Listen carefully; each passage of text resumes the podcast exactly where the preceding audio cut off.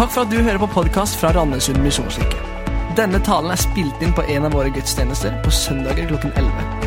Vi håper det du hører, kan være til oppmuntring i hverdagen, og du er hjertelig velkommen til å ta del i vår menighet. Gå inn på mkirken.no eller Randesund misjonskirke på Facebook for mer info.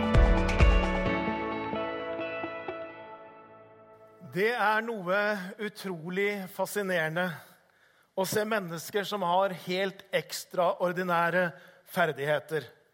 Som når Martin Ødegaard hælsparker seg forbi to forsvarsspillere. Eller Magnus Carlsen som som 13-åring vinner over garvede sjakkmestere. Eller Angelina Jordan som trollbinder en hel nasjon gjennom sin helt spesielle og vakre sang. Eksempler på mennesker med helt ekstraordinære talenter. Og Noen av disse de ser vi på talentkonkurranser som Norske Talenter. Noen av de ser vi som olympiske mestere. Noen av de blir helt eksepsjonelt enestående kunstnere. Det er jo ikke så sikkert at det er så mange her som kjenner seg i den kategorien, som liksom med frimodighet hadde stilt opp i Norske Talenter. Det hadde jo vært gøy. Men uh, det er ingen som rekker opp handa si. jeg vet ikke. Du får si ifra til meg etterpå. Så kunne vi ha de her oppe. Men det er allikevel sånn at eh, ethvert menneske har fått noe som er unikt, og som skal og kan forvaltes. Det er det vi har kalt denne taleserien. Vi har kalt det Unike talenter. Å sette fokus på det den enkelte oss har fått, som vi er satt, og som vi kan forvalte, og som vi kan bidra med inn i fellesskapet. Ordet talent det har vi både på norsk og vi har det på engelsk. Og så har det kommet inn i vårt språk fra denne boka her. Eh, Matteus 25 så står det en lignelse hvor Jesus snakker om det å forvalte fem eller to eller ett talent. Og Talent betyr egentlig en stor sum med penger. Betyr kanskje bortimot 20 års vanlige årslønner. Og så har det da gått over til å bety i overfor betydning det å forvalte noe du er betrodd. Og det er det vi ønsker å snakke om disse søndagene. Og Hver eneste en av oss er unik helt ned til vårt DNA og fingeravtrykk. Det finnes ingen som er akkurat som deg, som har dine erfaringer, som har din historie, som er akkurat sånn som du er. Så du har noe unikt å forvalte med den du er født som. Og I tillegg så er det jo sånn at Bibelen forteller at for oss som har på en måte fått lov til å koble oss på Gud, fått lov til å bli kjent med Jesus og tro på Han, så sier Bibelen at alle vi, i tillegg til alt det vi får som naturgaver, så har vi fått en nådegave. En åndens gave. Noe Den hellige ånd har gitt oss som den nye fødselsgaven, som vi kan få lov til å tjene i, i menigheten og ut fra menigheten. Så Det er noe av det vi skal snakke om i dag. og Talen i dag heter 'Unike talenter'. Du har det. Å jo da, du har det, skjønner du. Om du skulle tenke annerledes. En av de tekstene som sier en god del om dette som har med nådegaver å gjøre, ehm, skal vi se på i dag. Og Den er fra Romerbrevet, kapittel 12, og vers 3-8. Og vi skal lese den sammen. Romerne 12, 3-8. Ved den nåde jeg har fått, sier jeg til hver enkelt av dere. Tenk ikke for store tanker om deg selv, men tenk sindig. Hver og en skal holde seg til det mål av tro som Gud har gitt ham. Vi har én kropp, men mange lemmer, alle med ulike oppgaver. På samme måte er vi alle én kropp i Kristus men hver for oss er vi hverandres lemmer. Vi har forskjellige nådegaver, alt etter den nåde Gud har gitt oss. Den som har profetisk gave, skal bruke den i samsvar med troen. Den som har en tjeneste, skal ta seg av sin tjeneste. Den som er lærer, skal undervise. Og den som trøster, skal virkelig trøste. Den som gir av sitt eget, skal gjøre det uten baktanke. Og den som er satt til å lede, skal gjøre det med iver. Den som viser barmhjertighet, skal gjøre det med glede. Det var Guds ord til oss. I dag skal vi be. Herre Jesus Kristus, jeg takker deg for ditt ord, som vi har rikelig av, Herre, og som vi kan få lov til å sette oss ned og lese og dele når som helst og hvor som helst. Og så har jeg lyst til å be at du skal ta ditt ord, og så skal du åpenbare det for oss. Ved din ånd må du vise oss hva dette betyr i våre liv, i vår menighet og i mitt liv, Herre. Jeg ber om det. Amen. Og I denne teksten her så peker Paulus i hvert fall på tre viktige faktorer i forhold til det å forvalte det vi har fått. Forvalte sin nådegave, men også forvalte våre naturgaver. Um, og Det ene det er ditt syn på deg selv. Det andre det handler om ditt syn på fellesskapet. Og det tredje han sier ganske tydelig, det er dette bruk det du har fått. Og Det er de tre tingene vi har lyst, jeg har lyst til å, å se på i denne talen her. Så det første det er altså dette ditt syn på deg selv. Og Vi skal bare repetere ganske kort de tre, det første verset som vi leste. Og Legg merke til hva som står her. Det står, Paulus sier, 'Ved den nåde jeg har fått, sier jeg til hver enkelt av dere:" Tenk ikke for store tanker om deg selv, men tenk sindig. Hver og en skal holde seg til det mål av tro som Gud har gitt ham. Det er en organisasjonspsykolog som heter Tasha Aurik, som er forsker og som har skrevet mange bøker. Mange av de har blitt bestselgere og har arbeidet i på en måte sitt jobb med tusenvis av arbeidere i små og store firmaer. Og Noe av det hun har vært spesielt opptatt av, det er dette på en måte, Hvordan kan vi bli bedre til det vi gjør? Og hvordan kan vi bli bedre på en måte lagspiller i det laget eller i det teamet vi er en del av? Hvordan kan vi bli det? Og så hun, sa hun at henne og hennes forskersteam nærmest snuble over noen ting som var veldig spennende. Og så har hun en tale som ligger på nettet, en såkalt TED-tale, eh, som handler om hvordan du kan bli amazing, fantastisk, i det du holder på med. Og så sier hun denne talen dette handler om alt. Om det handler om å bli bedre som kunstner eller som musiker eller i jobben eller som far eller på idrettsbanen. Hun sier Det er de samme prinsippene som gjelder. Og så sier hun det er tre ting det handler om. Det er tre ting som er avgjørende. Og så er det i sin tale så er det på en måte denne eh, plakaten det første hun viser. Det første punktet er dette Know thyself. Det handler om å kjenne deg sjøl. Hun sier der starter det hele. Det er nøkkelen til å bli bedre i hva enn du vil bli bedre i. Det handler om å kjenne deg sjøl. Og så tenker jeg, Det er jo veldig interessant. At man gjennom tusenvis av forskningstimer har landa på dette. Og så leser vi denne teksten her, og så er det der Paulus starter. Hvor han sier, han sier 'Tenk ikke slik, men tenk slik'. Tenk ikke for store tanker om deg sjøl. Tenk sindig. Han snakker om å kjenne deg sjøl, om selvbevissthet og selvforståelse. Kjenn deg sjøl. Det er det Paulus peker på her. Det finnes så utrolig mange tragiske eksempler på hvordan mye og masse har blitt ødelagt fordi et stort ego har kommet i veien. Det finnes så mange eksempler på karrierer, på relasjoner, på vennskap som har blitt ødelagt pga. dette. Fordi at noen tror at de er verdens beste, at de er verdens viktigste, at de er verdens mest betydningsfulle. De er så spesielle at vanlige på en måte etiketter, regler, ikke gjelder for dem. Verken høflighet eller normale spilleregler. Så er de overalt det. Og noen ganger så er det jo stjernen på laget som må settes på benken for at laget skal fungere. Fordi stjernen har for stort ego, tar for stort plass, og laget fungerer ikke. Andre ganger så er det politikere som glemmer at de er der egentlig for å gjøre det bedre for de som er innbyggere i kommunen eller det landet. Og så begynner de å tro at det handler om dem. Og så ser vi hvordan vi får den ene skandalen etter den andre. Og så tenker jeg, Sånn kan det være en familie. Sånn kan det være også en menighet. Det kan være at man tenker at skal jeg bidra med noe, ja, da må jeg ha det akkurat på min måte. Ja, Skal jeg dele noe av det jeg har fått, ja, så må det være et sted hvor jeg kan skinne. Det kan være at man tenker jeg er for viktig til å ha en tjeneste. Eller jeg er for travel til å være med på dugnad. Det får de andre gjøre. Jeg fortjener underforstått på en eller annen måte at det er de andre som tjener meg. Paulus sier, 'Gjør deg ikke for store tanker'. om deg sjøl. Og den andre grøften, hva er det, da? Jo, det er å tenke for smått om seg sjøl. Og så kan det også være like ødeleggende, hvor man tenker 'Jeg har da ikke noe å bidra med'. Jeg har talenter, unike talenter. Jeg kan ikke tenke på ett eneste en. Jeg har jo ingenting å forvalte eller å gjøre.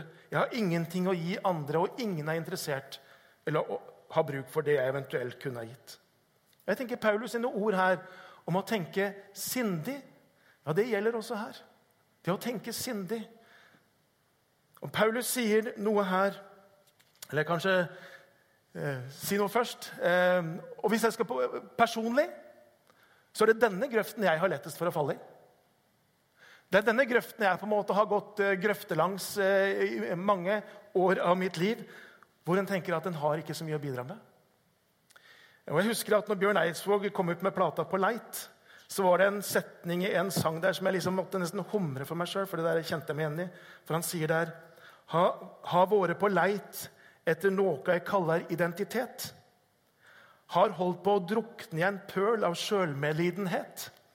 Så tenkte jeg ja, det der kan jeg kjenne meg litt igjen i. Og så oppdager jeg da at på en måte det å tenke lave tanker om seg sjøl eller negative tanker, det er jo også en måte å bli selvopptatt på.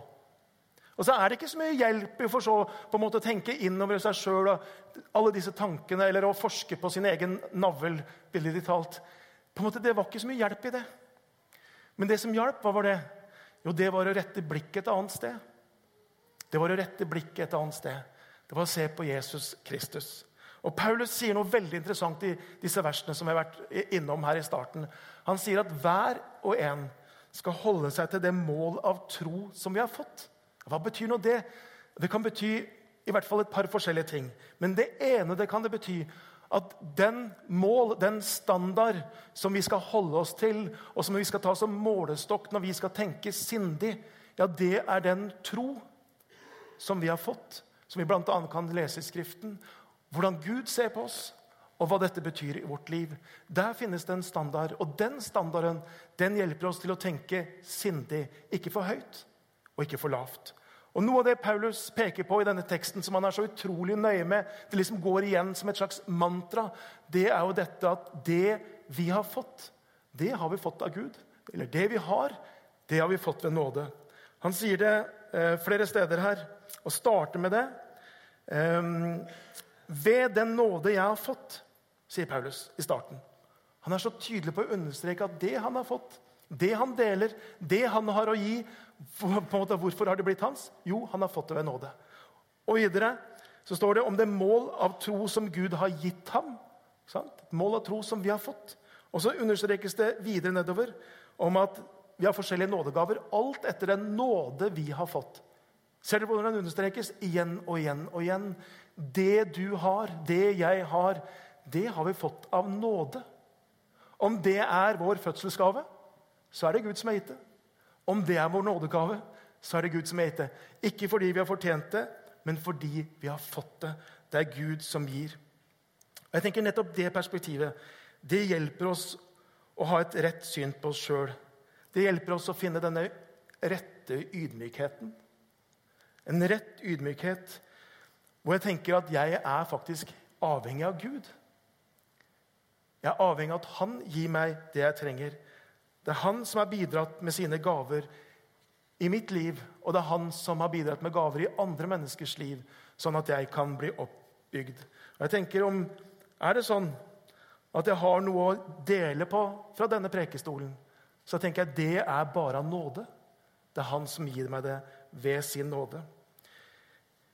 Å vite det at jeg har det er fra Gud, det hjelper meg på begge områdene. For det første så hjelper det meg å finne den rette ydmykheten. Det er det ene. Og det andre det hjelper meg også til å finne ro i den jeg er. C.S. Lewis han sa det sånn at det å være ydmyk det handler ikke om å tenke mindre om seg selv, men mindre på seg selv. Det syns jeg er ganske godt sagt.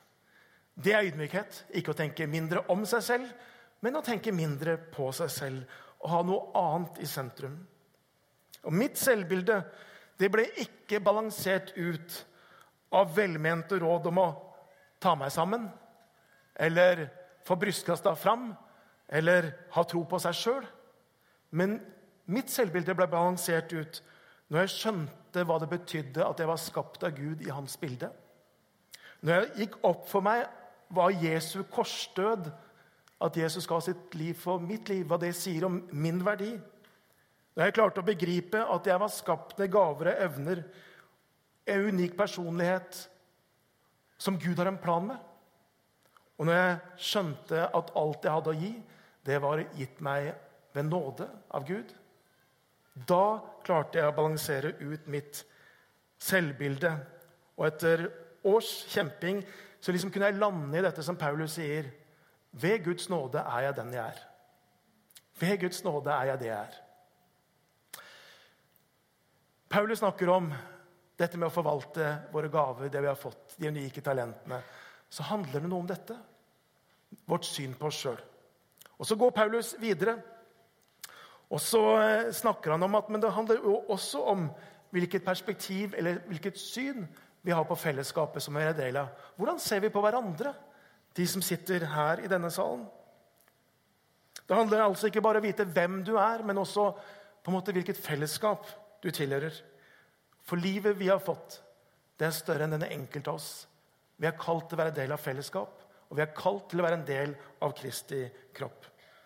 De senere år har det blitt satt en god del fokus på hvor viktig fellesskapet er. Jeg vet ikke om du har lagt merke til det, men det er ganske på ulik måte så snakkes det om viktigheten av fellesskap. For et par år siden så var det helseministeren som var ute og hadde følgende overskrift i avisene Ensomhet er farligere enn røyk. Han snakka rett ut fra et helsemessig perspektiv. Fellesskap snakker andre om, er ekstremt viktig for at vi skal utvikle oss, at vi skal vokse som mennesker. At vi skal kunne på en måte bli det potensialet som, som vi er som mennesker. Så trenger vi interaksjon med andre mennesker. Fellesskap sier lykkeforskning. Det har vært mye om det det siste i avisen også. Vi trenger, For å på en måte bli lykkelige som mennesker, så trenger vi fellesskap. Og skal vi lykkes i næringslivet, ja, så trenger vi nettverk. Mange kontakter, fellesskap. Jeg hører folk som er slitne av at det liksom hele tiden snakker om å bygge fellesskap eller bygge nettverk.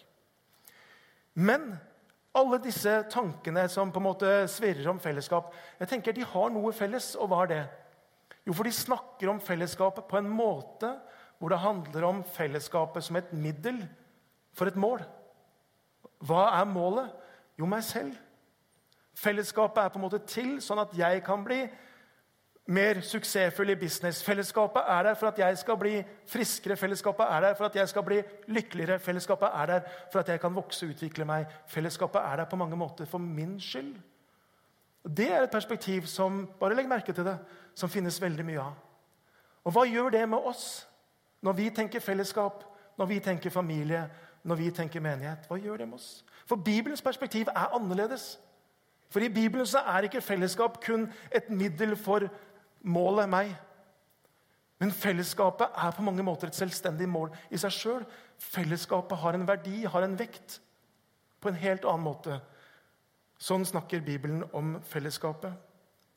Et fellesskap, en kropp, en menighet med ulike eh, lemmer. Men allikevel så er det på en måte én en enhet. Vi er Kristi kropp sammen. Jeg syns Bibelen snakker veldig vakkert om nettopp mangfold og enhet. En kristen forståelse av individ og fellesskap er ikke å sette det opp imot hverandre, men det er på mange måter eh, gjensidig avhengighet av hverandre. Derfor er ikke fellesskap i Bibels forstand et sånt meg og de andre, men det er et oss. Fellesskapet er først og fremst et hverandre. Sånn snakker Bibelen om det. Så Derfor er det sånn at når vi kommer til kirken, så kommer vi ikke som konsumenter. Vet ikke hva du tenker om det? Vi kommer ikke som kunder. I kirken så spør vi ikke hele tiden 'What's in it for me?' Ja, For det kan jo hende at du skal være noe for andre. I kirken blir det feil om vi vurderer alt fra om 'Fikk jeg noe ut av det?' For dette handler om noe annet. Egil Svartdal var her for et år siden og så fortalte han en liten historie om at en hadde kommet til han og så hadde han sagt at du, jeg får ingenting ut av disse lovsangene. Og Så sier Egil til han, ja, men så bra, da. Ja, For de lovsangene er egentlig ikke for deg. De er for Gud. Vi er her for noe annet. Fellesskapet har på en måte en annen verdi enn sånn vi ofte ser i samfunnet omkring oss. Så Derfor så har jeg bare lyst til å understreke den oppmuntringen, invitasjonen som kom her også fra Ester. På tirsdag så har du muligheten, om du tenker at dette er kanskje en menighet jeg kunne vært en del av. Så har vi informasjonsmøte om medlemskap i Misjonskirken. Da går det an å ta et steg inn og bli en del av denne kroppen, dette fellesskapet som vi er. Og så har jeg også lyst til å oppfordre deg til én ting til. Et annet type fellesskap som vi ønsker å eh, alle helst og flest mulig skal være en del av, nemlig smågruppefellesskapet. Så jeg har lyst bare å oppmuntre deg om du ikke er med i en liten gruppe. Et lite fellesskap hvor dere kan komme tettere på hverandre og dele og be og lese sammen. Så jeg har lyst til å oppmuntre deg. Gå ut etterpå på det vi skal ha kirketorg. Så vil det være noen der, en liten stand, hvor du kan si at 'det der kunne jeg tenkt meg'. Og så kan du skrive deg på en liste, og så vil du bli med i en gruppe. Så det er oppfordringen. Vi har sett litt på dette med ditt syn på deg sjøl, ditt syn på fellesskapet. Og så skal vi se på dette som har med gaver å gjøre. Det står i denne teksten som vi leste, at vi har forskjellige nådegaver. står det. Alt etter den nåde som Gud har gitt oss. Og så er det at Paulus nevner syv slike gaver. Han sier den som har profetisk gave, skal bruke den i samsvar med troen. Den som har tjeneste, skal ta seg av sin tjeneste. Den som er lærer, skal undervise. Den som trøster, skal virkelig trøste. Den som gir av sitt eget, skal gjøre det uten baktanke. Den som er satt til å lede, skal gjøre det med iver. Den som viser barmhjertighet, skal gjøre det med glede. Så dette er syv nådegaver som Den hellige ånd gir oss idet vi blir kobla på Jesus. Så sier Bibelen at da, får vi én eller flere nådegaver. Her er det syv. Så finnes det tre andre lister i Bibelen som til dels er overlappende og til dels de samme. Så vi finner i hvert fall 20, og kanskje litt flere enn 20 sånne nå, ulike nådegaver i Bibelen som Gud på en måte distribuerer til alle de som er en del av hans kropp. Til alle de som er med eh, kobla på Jesus. Så hvem er det som får disse gavene? Som jeg sier, Bibelen understreker igjen og igjen og igjen. Og Kanskje aller tydeligst i 1. Peters brev 4.10 at det, hver eneste en har fått det. Og Der står det 'tjen hverandre, hver og en med den nådegave han har fått'. Så det betyr at om du er kobla på Jesus, ja, så har du fått en gave. Så har du fått en nådegave som du har fått på en spesiell måte. Som en, den nye fødselsgaven fra Herren. Og så tenker jeg at Når vi sitter her, så er det sikkert noen av dere som tenker hjelp. Jeg vet ganske mye om hva det er. Og jeg er i tjeneste i det, og jeg kjenner at det fungerer. Og så kan det hende at det er noen som tenker at ja, jeg har kanskje en sånn vag fornemmelse hvilken retning det er, men ikke noe sånn veldig bevisst eller sånn opplagt. Så jeg er helt sikker på at det er noen av dere som tjener i den nådegaven du har, selv om du ikke vet akkurat hvilken det er. Men du vet at det er noe som funker. Og så kan det også være at det er noen av dere som er litt sånn blanke på dette og tenker det der det aner jeg ikke noe om. Eh, og så tenker jeg ja, så kan du få lov til å ta noen steg inn i det også og vite noe mer om det. Hvordan oppdager vi det? Hvilken gave vi har? Hvordan oppdager vi forresten hvilken naturgave vi har? Ja, vi prøver litt forskjellig, gjør vi ikke det? Det var ikke så veldig lenge jeg hadde spilt fotball før jeg skjønte at det har jeg ikke noe talent i det hele tatt. Og så trodde jeg egentlig at jeg Kanskje, kanskje, det med sang var et talent, men når jeg sang i kor og jeg skjønte at de skrudde av min mikrofon når vi skulle opptre, så skjønte jeg kanskje at ikke det var heller et av mine store talenter. Så det var ikke det. Men jeg tenker det er også litt på den måten at man kan finne noe om sin nådegave. Det går nemlig an å ta noen steg, prøve ut noen ting, forsiktig, og så ser man noe om her er det faktisk noe som fungerer. Kanskje er det noe her. Eh, noen få råd i forhold til akkurat det med å oppdage sin nådegave. Noen få råd som jeg i hvert fall gir hvis jeg snakker med folk om dette. Men jeg tenker det, noen, det kan være noen spørsmål som du kan stille til deg sjøl. Og hvilke spørsmål er det? Jo, det, er det ene er det Hvilken nød eller hvilken menneskelig behov er det på en måte jeg berøres av? Tenk litt over det. Hvilken nød, hvilke menneskelige behov er det jeg berøres av? For i det punktet så kan det godt hende at det finnes noe der som Gud på en måte vekker i deg. Eh, og så tenker du kanskje ja, men alle blir jo berørt av det. Nei, det er ikke sikkert, det. Så det kan hende at du blir berørt av det. Og kanskje blir du av og til frustrert at hvorfor er det ingen andre som ser det? Og noen ganger kan det, Særlig hvis du har en ledergave, så kan du kjenne det som en frustrasjon. Er det virkelig ingen som ser at det der fungerer ikke i vår kirke? Ja? Og så kan den frustrasjonen være et lite tegn på at ja, men ok, kanskje har du en gave i den retningen som gjør at du fester deg nettopp ved det. Det er det ene. Menneskelig behov eller nød. Det andre er hva kjenner du en glede i å tjene i? Når du har prøvd litt forskjellig, hvor kjenner du at dette er jo faktisk ganske gøy? Så kan det være et sånt uttrykk for at du er på en måte noe på, på en rett vei. Du kjenner at du på en måte er litt i flytsonen. Så kan det være en gave som også er i funksjon. Og Det tredje spørsmålet du kan stille, det er når jeg har tjent i ulike ting eller gjort ulike ting i eller ut fra menigheten, eh, er det noen steder hvor jeg tenker der var jeg ganske effektiv. Der så jeg faktisk at min tjeneste hadde en ganske stor effekt. Så kan det være et tredje spørsmål. Så tre av de spørsmålene som du kan stille på en måte til deg sjøl. Hvor ser jeg noe menneskelig nød? Hvor kjenner jeg glede? Og eh, hvor ser jeg at jeg har effekt når jeg er med og bidrar? Og Så er det en sånn ytre ting òg, da. Fordi at vi er jo på en måte et samspill, og det er en kropp som fungerer. Så det er også spørsmålet hva er det andre ser i deg? Så det er klart at Når du blir spurt om noe, ja, så kan det hende at det er fordi at andre ser noe i deg og tenker jeg ser noe der. Det har vært spennende å teste ut den i den personen. Så når du blir spurt om noe, invitert inn i noe, ta imot den utfordringen. Vær ikke redd for å ta en prat med en av oss pastorene. Det blir ikke søndagsskolen for alle likevel. Det er ikke sånn det er. Men vi vil gjerne være med og følge deg og snakke det. Det hender av og til at vi ser ting. Hvilke muligheter får du? Hva er det du opplever at Gud legger foran deg? Noen ganger så er det som Gud åpner noen dører, og så tenker du hva er dette? Skal jeg gå inn? Ja, Gå inn i noen av de åpne dørene som ligger der. Så vil du kjenne Gud leder deg til. Og så kan du plutselig oppdage at der var det jo noen ting som virkelig stemte. Der var det noen gaver i funksjon. Og det tredje der be om forbønn. Bibelen er ganske rik på det at nådegaver kan forløses gjennom forbønn. Timoteus opplevde det. Paulus ba for ham. Han fikk en nådegave i funksjon. Og så står det også at vi skal be om å få de største nådegavene. Så forbønn er en god ting. Det er mulig å gjøre her i dag.